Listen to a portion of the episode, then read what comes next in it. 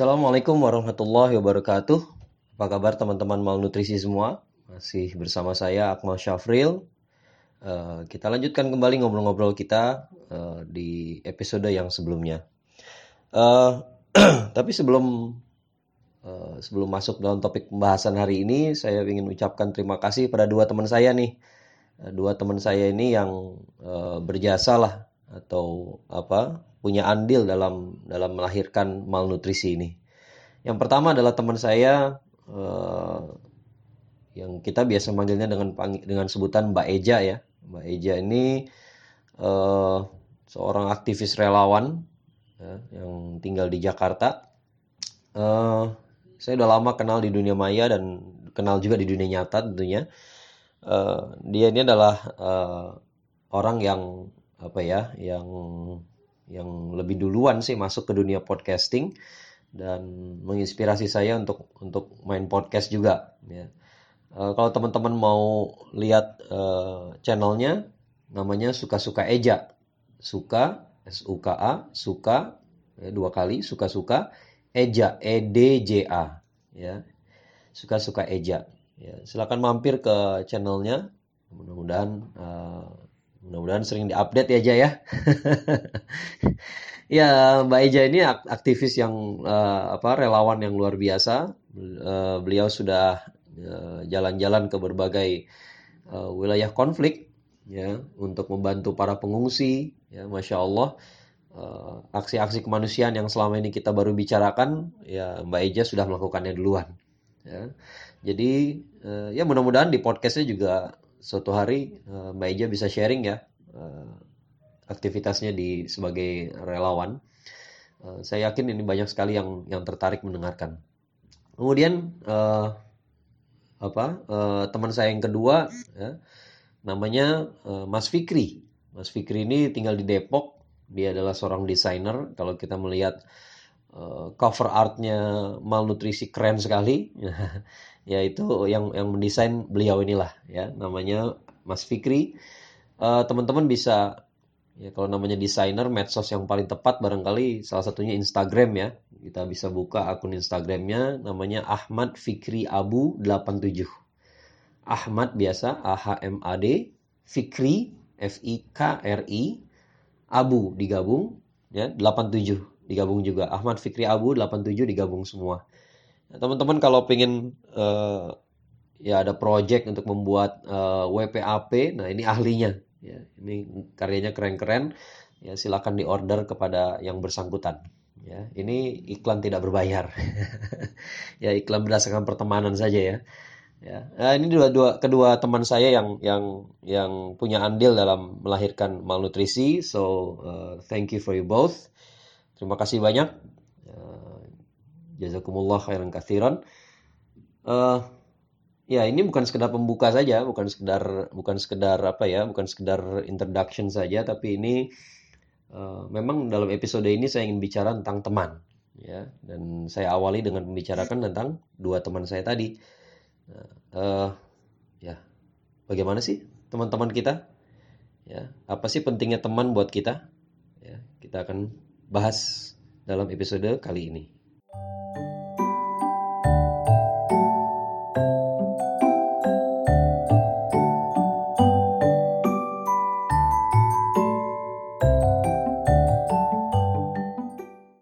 Ya, sahabat-sahabat malnutrisi sekalian, uh, coba kita tengok diri kita sendiri ya, sesuai dengan judul episode ini look around ya. Coba kita lihat uh, sekeliling kita ya, lihat diri kita dan lihat sekeliling kita ya. Sebenarnya look inside and look around ya. ya. Ya coba kita lihat sekeliling kita uh, ada berapa banyak sih orang yang mempengaruhi uh, diri kita sesungguhnya ya atau atau mungkin pertanyaan yang lebih tepatnya untuk dijawab pertama kali adalah uh, apa apa apa kita ini adalah makhluk independen ya kan banyak orang senang menyebut dirinya uh, I'm independent gitu ya ataukah memang kita memang terpengaruh oleh uh, teman-teman kita atau kita apa ya sangat terpengaruh dengan keberadaan teman-teman kita ya. Kalau kita uh, berani jujur ya saya rasa ya kalau kita berani jujur ya kepada diri kita sendiri eh, saya rasa nggak ada sih orang yang yang berdiri sendiri gitu ya ya. Eh, betapapun kalimat itu indah didengar ya tapi kayaknya kita nggak pernah berdiri sendiri. Kayaknya kita ini memang sangat terpengaruh dengan lingkungan kita. Dan oleh karena itu kita eh, sadar nggak sadar kita pasti memilih lingkungan kita sendiri. Ya kita memilih lingkungan kita yang kondusif. Ya coba kita tengok diri kita sendiri sekarang. Mungkin teman-teman sekarang eh, apa sekolah di sekolah yang bagus di kampus yang bagus ya kampus favorit di perguruan tinggi yang bagus ya atau sekarang udah dapat uh, udah masuk dunia kerja ya dapat pekerjaan yang baik gitu ya coba pikirkan baik-baik kira-kira kita bisa apa sih kalau teman-teman kita nggak baik? Bisa nggak kita mencapai apa yang kita capai sekarang nih? Kalau kalau lingkungan kita nggak kondusif ya. Mungkin uh, ada di, di luar sana teman-teman kita yang apa ya ingin jadi penulis yang baik ya, apa yang dia lakukan pertama kali? Ya mencari komunitas para penulis ya. Komunitas apakah forum dunia maya atau lebih bagus lagi kumpul yang ada kumpul-kumpul uh, di dunia nyatanya gitu ya tapi ya kalau mau jadi penulis memang harus kumpul dengan para penulis ya kita harus saling bertukar karya, saling memperlihatkan, saling membaca karya masing-masing, saling memberi masukan. Ya itulah kalau mau jadi penulis yang baik. Ya, atau yang, yang lebih gampang dibayangkan yang mungkin dialami semua orang ya kalau Anda ingin jadi uh, pemain basket yang baik gitu ya. Kira-kira bisa nggak kalau kita nggak ngumpul sama sesama anak basket? Ya, kalau mau jadi pemain futsal yang baik, kira-kira bisa nggak kalau kita nggak nggak kumpul bersama teman-teman kita bermain futsal secara secara rutin? Ya, ya ya namanya futsal mainnya bareng-bareng bos. Nggak bisa kita main sendirian ya. Jadi di situ saja sudah jelas bahwa kita ini butuh teman. Kita butuh teman-teman yang kondusif ya. Kita nggak bisa uh, jadi orang hebat sendirian di bidang apa pun itu ya mau nggak mau kita harus uh, menciptakan atau mencari lingkungan yang kondusif buat kita buat buat apa yang kita inginkan untuk diri kita. Oke lah kita punya punya rencana sendiri.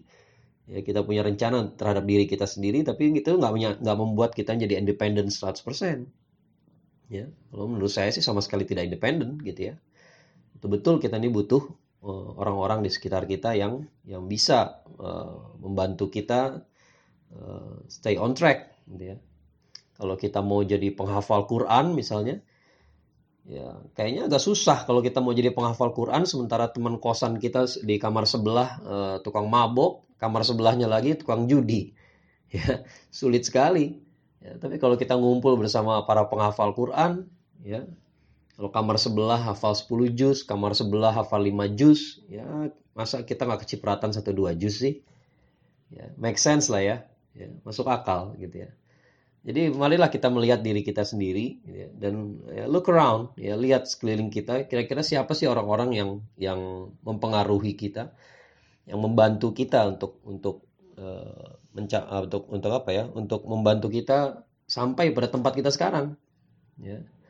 Kalau saya melihat uh, ya kalau saya sih apa dengan jujur mengatakan bahwa uh, banyak sekali hal dalam hidup saya ini yang dibantu oleh teman-teman ya bahkan saya nggak bisa menemukan satupun hal yang uh, dalam hidup saya di mana saya mencapainya sendirian ya setahu saya saya nggak pernah sendirian gitu ya. Kadang-kadang orang mengatakan, oh saya berusaha sendiri kok. Bahkan ketika kita sendiri, kita tuh nggak sendiri. Maksudnya apa sih? Ya, maksudnya ada dua hal yang saya maksud dari situ. Walaupun kita seorang diri, bukan berarti kita sendirian. Ya, pertama, kita seorang diri, tapi diri kita yang sekarang ini terbentuk dari dari tempaan lingkungan kita sebelumnya. Ya. Jadi kita yang sedang menghadapi masalah sendirian, kita sedang menghadapi masalah seorang diri, katakanlah kita sedang ujian, kan ujian sendiri ya, ya nggak kerjasama biasanya, ujian itu sendiri-sendiri biasanya. Tapi kita yang menghadapi ujian ini adalah kita yang sudah dibentuk oleh lingkungan kita, kita yang sudah sudah digembleng oleh teman-teman kita bersama teman-teman kita, atau kita saling menggembleng mungkin lebih tepatnya ya, kita juga membentuk mereka, mereka membentuk kita, kita membentuk mereka. Karena kita kumpul bersama teman-teman yang rajin belajar, yang ngerti bahwa mencontek itu nggak baik, maka kita menghadapi ujian dengan mentalitas demikian. Karena kita kumpul bersama teman-teman yang percaya diri, yang nggak takut menghadapi tantangan, maka kita menghadapi ujian dengan cara demikian. Nah sekarang kalau kita uh, berkumpul sama teman-teman yang negatif, yang yang belum apa-apa, belum belum masuk ke ruang ujian udah mikirin gimana caranya curang. Orang curang tuh tandanya kan tandanya dia yakin dia nggak bisa berhasil dengan jujur gitu ya. Makanya makanya orang tuh curang ya. Nah, kalau kita berkumpul dengan orang-orang yang curang sehari-harinya ya, dengan orang-orang yang uh, betul-betul selalu melawan peraturan ya, selalu pingin pingin jalan pintas saja, nah, maka kita ketika kita menghadapi sebuah ujian dan kita menghadapinya seorang diri, kita menghadapi dengan jiwa yang yang sudah dibentuk oleh lingkungan itu. Ya. Ya, jadi itu yang pertama bahwa kita ini sebenarnya walaupun seorang diri kita nggak sendirian. Ya. Yang kedua, ya se walaupun kita menghadapi sesuatu seorang diri, kita sebagai muslim mengetahui bahwa kita nggak sendirian. Kenapa? Karena ada yang di sisi kita. Siapa yang di sisi kita? Yang pertama jelas Allah. Allah ada di sisi kita. Allah ada bersama kita. Allah tuh nggak pernah meninggalkan kita. Ya. Nah, tapi kita sedang bicara tentang orang-orang di sekitar kita. Ya. Kalau Allah di Allah bersama kita, itu mungkin kita akan bahas pada episode yang lain gitu ya. Tapi sekarang saya ingin mengatakan bahwa sebenarnya kita nggak pernah sendirian. Ya, sebenarnya kita yang kita yang yang kita kenali sekarang ini, pribadi kita yang kita kenali sekarang ini adalah hasil dari uh, proses saling menggembleng antara kita dengan teman-teman kita. Ya, oleh karena itu, ya pilihlah teman baik-baik. Ya, bukan berarti kita nggak boleh kenal sama sama yang apa teman-teman yang kurang baik gitu ya kita anggap nih teman yang teman yang ini kayaknya kurang baik nggak usah temenan deh sama dia bukan begitu ya tapi ya kita harus mengerti bahwa teman-teman yang memberikan efek negatif ya, ya mungkin dia lebih cocok jadi objek dakwah kita ya, bukan jadi teman akrab bukan jadi teman curhat ya bagusnya sih mereka yang curhat ke kita supaya kita bisa ngasih masukan yang baik kepada mereka ya perlu saling menasihati itu perlu ya tapi teman-teman terdekat kita adalah orang-orang yang kira-kira bagus untuk menasehati kita. Kira-kira nasihatnya baik. Tentu saja orang-orang baik. Ya, kalau nggak orang baik, ya jangan. Ya, minta nasihat tuh ke orang yang baik. Ya, jangan minta nasihat ke orang yang hidupnya lebih berantakan daripada kita. Yang hidupnya berantakan, yang hidupnya lebih berantakan daripada kita ya adalah orang yang harusnya menerima nasihat dari kita. Kita lah yang harus ngasih nasihat kepada mereka. Anyway, ya, anyway, Walaupun dalam proses memberi nasihat sekalipun, itu pun membentuk diri kita. Ya enggak? Kalau kita punya teman gitu ya, yang butuh bantuan kita, lalu kita membantu dia, ngerasa nggak bahwa ketika kita membantu teman kita, sesungguhnya kita menolong diri sendiri juga. Ngerasa nggak bahwa hati kita tuh merasa puas gitu. Kalau kita sudah bisa membantu orang lain. Ya, itu kepuasan yang yang nggak bisa diganti dengan uang. Ya, tadi saya cerita soal teman teman saya Mbak Eja ya sebagai relawan. Ya, coba tanya ke dia, ya. Coba tanya ke Mbak Eja ya. Apa uh, apakah kepuasan menjadi relawan menolong orang lain itu bisa ditukar sama uang? Ya. Gak bisa. Ya. Oleh karena itu sekali lagi, apa sih pentingnya teman? Menurut saya teman itu artinya uh, teramat sangat penting gitu ya. Susah untuk saya menggambarkannya gitu ya.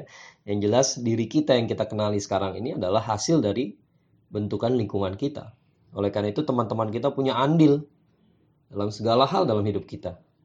Ya, oleh karena itu hal pertama yang harus kita lakukan adalah memberikan pengakuan. Akuilah bahwa teman-teman kita ini orang-orang baik.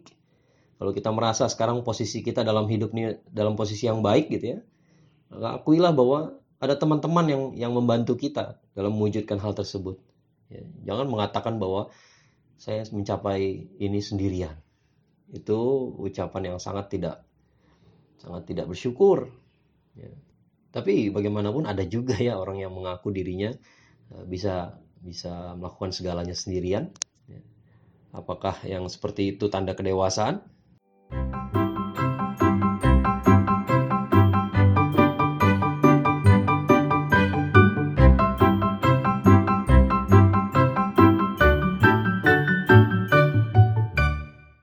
Ya, sahabat-sahabat malnutrisi semua, uh, tadi sudah saya jelaskan bahwa kita ini sebenarnya nggak ada yang berdiri sendiri. Kita ini bukan produk dari dari rencana kita sendiri. Ya manusia punya rencana tapi takdir itu nggak selalu jalan dengan rencana.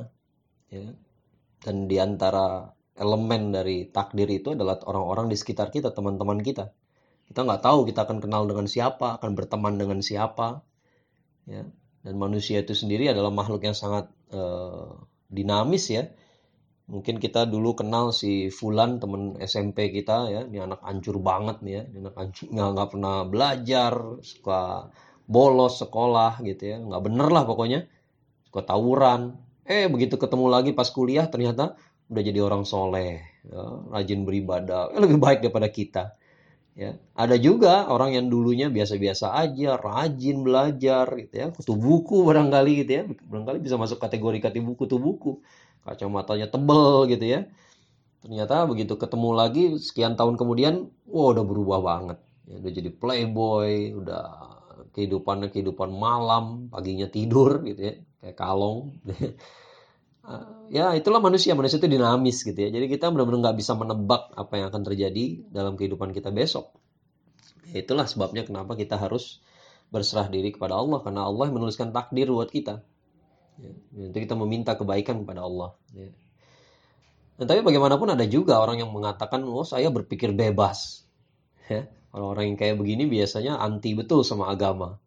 Dia bilang agama itu dogma. Wah, agama itu dogma. Kamu jadi kamu jadi beragama itu ya karena di dogma dikasih dogma oleh para ustadz, oleh para kiai, oleh para oleh orang tua. Kamu didoktrin untuk beragama, kamu didoktrin untuk sholat. Ya kamu didoktrin untuk mengatakan bahwa Al-Quran itu benar. Kamu didoktrin ya, bahwa Allah bahwa Tuhan itu ada. Ya, kata siapa Tuhan itu ada? Buktinya mana? Wah, itu semua cuma dogma. Yeah. ya. Kita dong berpikir bebas. Ya. Kalau kalau dari uh, bahasan kita sebelumnya ya, saya rasa nggak ada manusia yang bebas. Ya. Nggak ada sih manusia yang bebas. Sebagaimana orang bisa mengatakan bahwa oh kamu tuh beragama ya karena kamu punya lingkungan yang agamis, yang religius gitu ya. Karena orang tua kamu ngajarin kamu beragama. Ya, maka hal yang sama sebenarnya bisa dapat saya katakan pada sebaliknya. Oh, kamu jadi ateis itu karena berteman sama orang kayak begitu. kamu jadi ateis karena nggak percaya sama Tuhan kenapa ya? Karena orang tua kamu nggak ngajarin barangkali soal agama. Ya. Saya punya anak umur 7 tahun. Ya kalau saya lagi di rumah, kalau saya nggak pulang terlambat, eh, nggak pulang telat larut malam, saya pasti bercerita sebelum tidur. Dan cerita favorit yang yang dia minta adalah cerita tentang para nabi. Ya. Apakah Anda mau mengatakan bahwa saya sedang mendoktrin anak saya? Oke, okay, that's fair enough. Ya. Tapi kalau gitu saya balikkan. Barangkali Anda sekarang uh, khawatir apa gelisah atau nggak yakin dengan agama Anda, ya barangkali karena orang tua Anda nggak pernah bercerita tentang agama. Mungkin orang tua Anda kurang intens bercerita tentang agama. Mungkin Anda ragu sama Rasulullah SAW ya karena orang tua Anda nggak pernah cerita tentang Rasulullah. Ya. Nggak pernah menanamkan kerinduan kepada Rasulullah. Ya. Itu hal yang sering saya bicarakan kepada anak saya. Saya kalau cerita tentang Nabi, Nabi Ibrahim, Nabi Nuh, Nabi Adam alaihissalam, Nabi Muhammad SAW, saya cerita. Di akhir ceritanya adalah pingin ketemu nggak sama para nabi ini. Ya, kalau pingin ketemu, jadi anak soleh. Nanti mudah-mudahan di akhirat kita ketemu dengan mereka. Apakah itu mau disebut doktrinasi? Boleh-boleh aja. Ya. Tapi kemudian saya pun berhak mengatakan bahwa kalau Anda jadi agnostik, Anda jadi ateis, barangkali itu doktrinasi teman Anda. Coba lihat lingkungan Anda lah. Ya, coba lihat lingkungan kita. Look around. Ya, look around. Ya, kita ini nggak pernah independen, nggak ada manusia independen, nggak ada manusia yang bebas, nggak ada manusia yang berpikir sendiri, berpikir bebas. Emang ada orang berpikir bebas? Kalau berpikir bukannya dia jadi nggak bebas. Emang berpikir itu nggak pakai kaidah? Nggak ada orang berpikir nggak pakai kaidah. Ya, justru dalam kajian-kajian filsafat, filsafat itu berusaha menemukan kaidah. Karena orang mau mengatakan yang yang ini benar dan yang itu salah, kaidah benar dan salah itu ada. Kalau kita nggak yakin bahwa ada kaidah, maka nggak ada nggak ada filsafat, nggak ada kajian-kajian seperti itu. Ya. Kalau anda yakin nggak ada kebenaran itu hanya doktrinasi, maka anda nggak akan berpikir mana yang benar mana yang salah. Nah, anda nggak perlu berdebat, nggak perlu ngajak-ngajak orang untuk ikut-ikutan ateis, ikut-ikutan agnostik. Tapi nyatanya nyatanya yang namanya ateis agnostik itu kan paling hobi ngajak-ngajak ya. ya itu tadi karena mereka yakin bahwa kita ini tidak bebas, kita ini adalah korban dari dogma, doktrin. Mereka lupa bahwa mereka juga didoktrin. Ya. Ya, kalau mau jujur coba tengoklah ya. Kira-kira sebelum dia jadi ateis, sebelum jadi agnostik, ngumpulnya sama siapa sih? Baca bukunya baca buku siapa sih? Itu kan doktrinasi. Ya, buku-buku apa yang dia baca? Dia dipengaruhi. Kenapa ragu sama agama? Ragu sama agama itu menurut saya bukan suatu hal yang yang yang terjadi dengan sendirinya pada seorang anak manusia. Pasti ada yang menghembus-hembuskan keraguan. Ya. Kalau dalam surat An-Nas, An-Nas ya uh, disebutkan ya kerjaan setan yaitu Iwas wisufi sudurin nas ya membuat menghembus-hembuskan perasaan gelisah ke dalam dada manusia. Jadi ketenangan itu adalah fitrah, kegelisahan itu nggak fitrah. Ya. Ada seseorang, ada seseorang atau sesuatu yang menghembus-hembuskan rasa gelisah. Kenapa dia gelisah? Ya. Jadi kalau kita bicara soal uh, ini adalah pengaruh lingkungan, maka bukan agama saja, tapi semuanya juga pengaruh lingkungan. Anda menjadi sekuler, Anda menjadi liberal, itu juga kan karena Anda membaca buku-buku tertentu, karena Anda ngumpul dalam forum-forum tertentu, karena Anda baca website-website tertentu. Ya sama seperti Anda bisa mengatakan juga, Oh orang beragama kenapa? Karena orang tuanya ngajarin sesuatu. Karena dia ngumpul sama penghafal Quran. Karena dia kerjanya kedatang ke masjid mulu. Makanya jadi religius. Ya barangkali Anda juga jadi nggak religius karena apa? Karena nggak pernah datang ke masjid gitu. ya barangkali saya juga bisa juga bisa mengatakan barangkali Anda nih uh, jadi nggak percaya sama agama ya karena nggak pernah mau dengerin kajiannya Ustadz Adi Hidayat, nggak mau dengerin kajiannya Ustadz Abdul Somad, ya bisa aja. Ya, tapi ya itulah. Itulah uh, pentingnya teman kita. Ya. Maka jujurlah, ya, jujurlah lihat ya, sekeliling kita, lihat betapa banyak orang yang mempengaruhi diri kita. Kalau menurut saya, orang yang dewasa itu adalah mengakui bahwa dia dibantu oleh banyak orang. Kalau Anda mengatakan Anda berpikir bebas, Anda independen, buat saya itu norak ya. Tandanya Anda Anda nggak dewasa. Tandanya Anda Anda Anda delusional. Anda mengira Anda bisa sendiri padahal nggak pernah Anda sendiri. Bohong. Ya. Kalau nggak setuju, silakan bantah.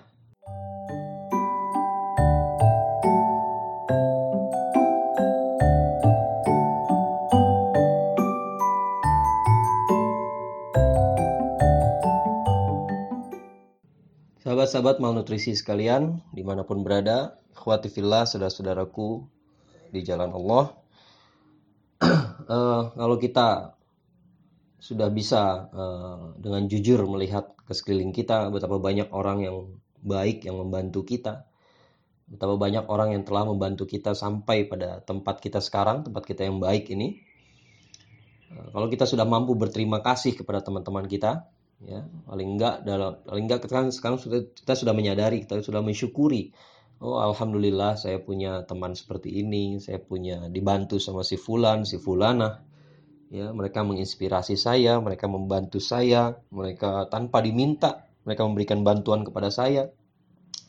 Diam-diam mereka menginspirasi saya mereka jadi teladan saya dan seterusnya.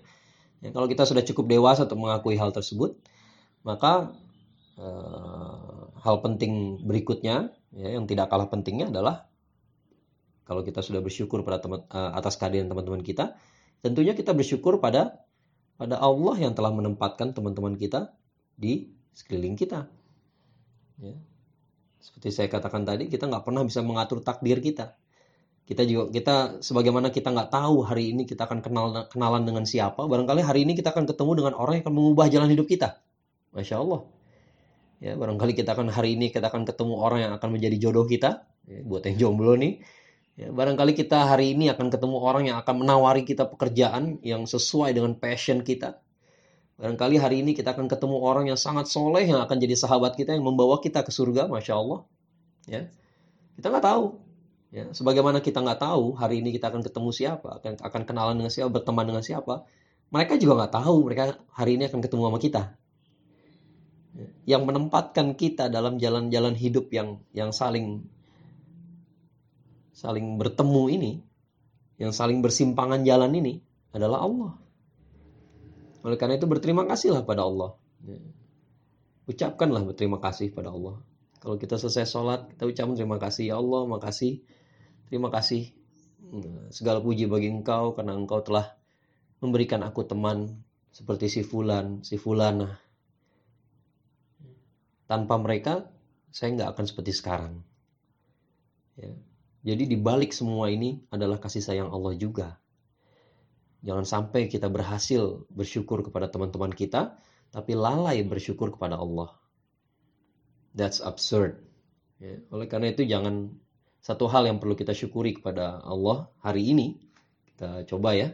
Kita coba hari ini kita bersyukur atas kehadiran teman-teman kita. Ya. Dan kita sampaikan kepada teman-teman kita. Dewasalah. Ya. Akuilah. Bahwa saya nggak bisa begini kalau bukan kamu yang bantu. Saya nggak bisa begini kalau bukan dapat inspirasi dari kamu. Sampaikan kepada guru-guru kita, pada teman-teman kita. Ya. Dan di antara semua manusia yang paling yang paling berhak adalah uh, berhak atas pengakuan kita adalah orang tua kita. Sampaikan pada orang tua kita, ya. atau minimal tunjukkan dengan dengan sikap kita bahwa kita tuh nggak akan begini kalau kalau nggak dapat orang tua seperti mereka. Ya. Sobat-sobat uh, malnutrisi, mudah-mudahan kita jadi lebih pandai bersyukur ya. Dan saya pun bersyukur atas kehadiran teman-teman sekalian. Kalau tanpa kalian, ya uh, mungkin nggak akan ada Akmal Syafril atau minimal Akmal Syafril yang ada tidak seperti yang ya, yang sekarang. Terima kasih. Assalamualaikum warahmatullahi wabarakatuh.